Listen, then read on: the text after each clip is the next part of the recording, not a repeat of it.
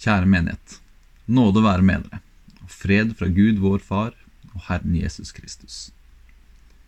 Det er første søndag i fastetida, og eh, vi har fått en god nyhet. Nå på fredag så eh, fikk vi beskjed om at vi kan begynne å ha fysisk gudstjeneste igjen. Så hvis smitteverntiltakene holder seg, så er dette siste gudstjenestepod på en liten stund. Men vi får se.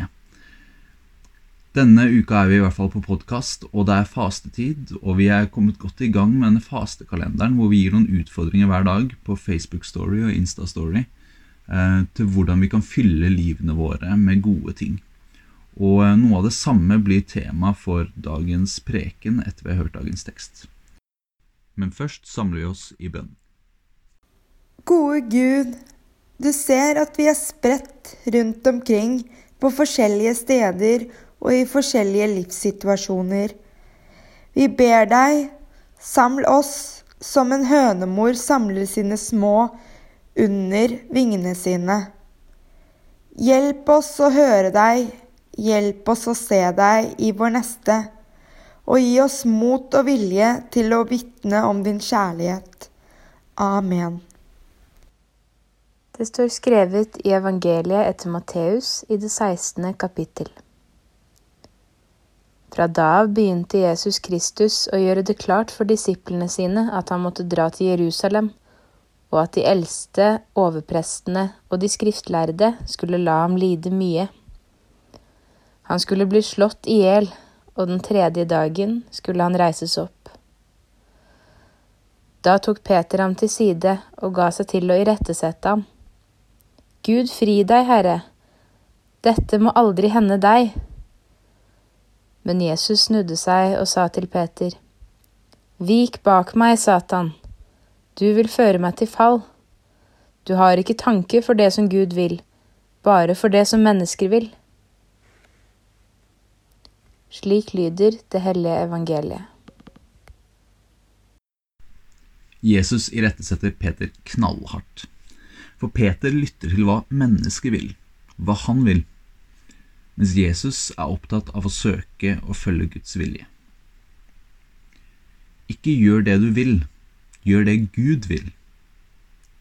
En sånn setning er jo nesten heretisk, uhørt, i den moderne vestlige verden, hvor vi mer enn noe dyrker oss selv, vår indre stemme, våre drømmer, hva vi selv vil.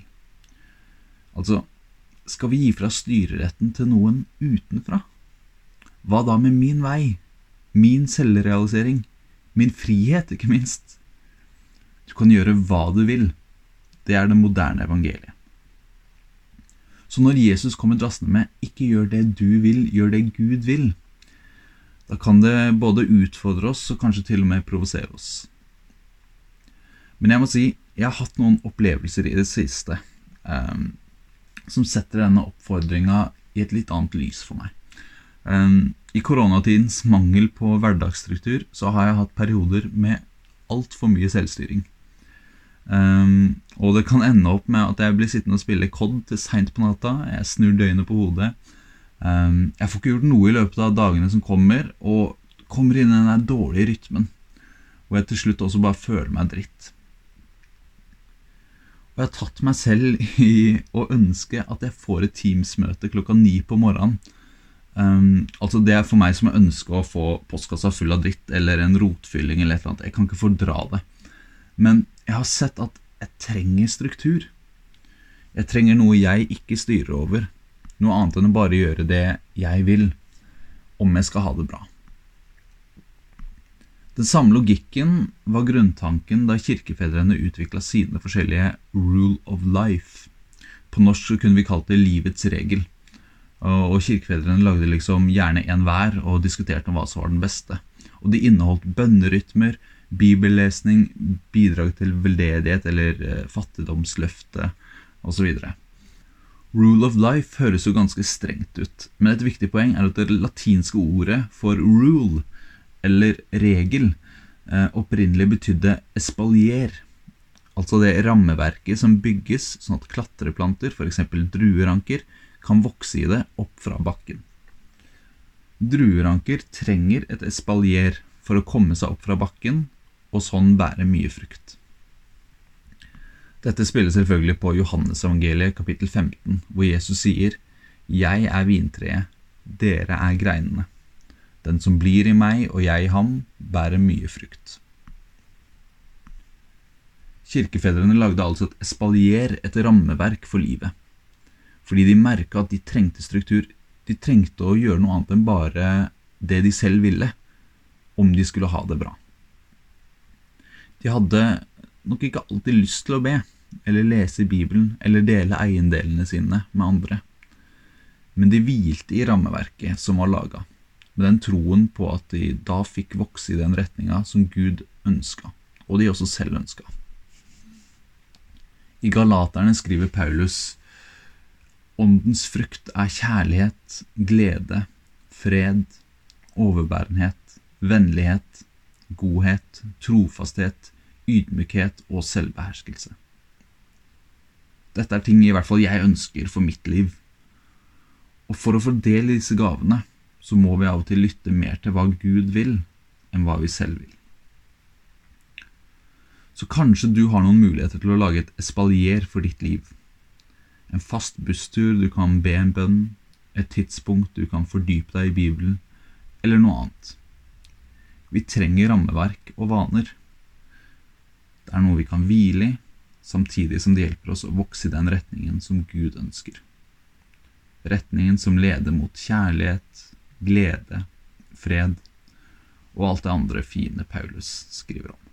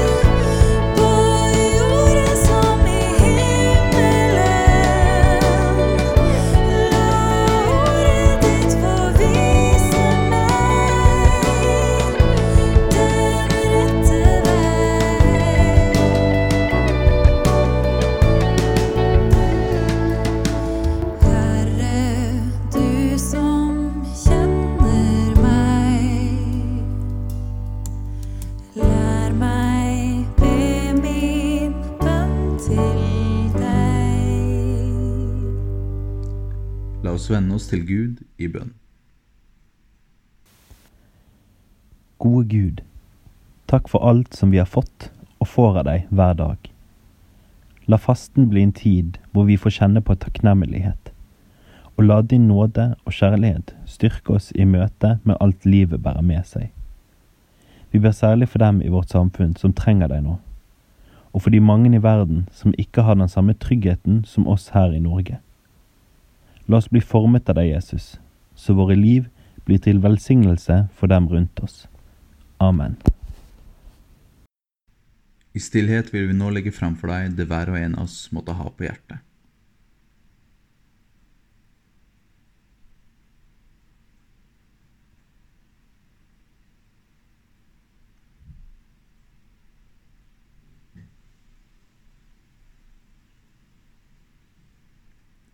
Gud skap i oss tro, håp og handling. Herre, hør vår bønn. Vår Far i himmelen. La navnet ditt helges. La riket ditt komme.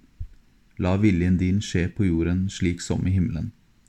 Gi oss i dag vårt daglige brød, og tilgi oss vår skyld, slik også vi tilgir våre skyldnere. Og la oss ikke komme i fristelse, men frels oss fra det onde. For riket er ditt, og makten og æren i evighet. Amen. Herren velsigne deg og bevare deg. Herren la sitt ansikt lyse over deg og være deg nådig. Herren løfte sitt åsyn på deg og gi deg fred.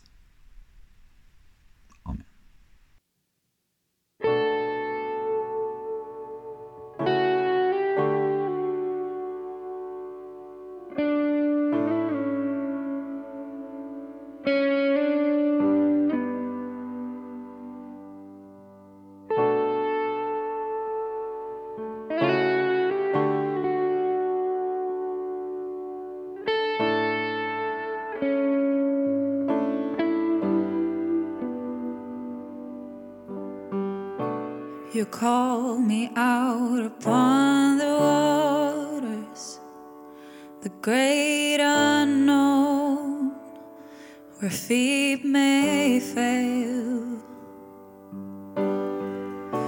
And there I find you in the mystery, in oceans deep, my faith will stand.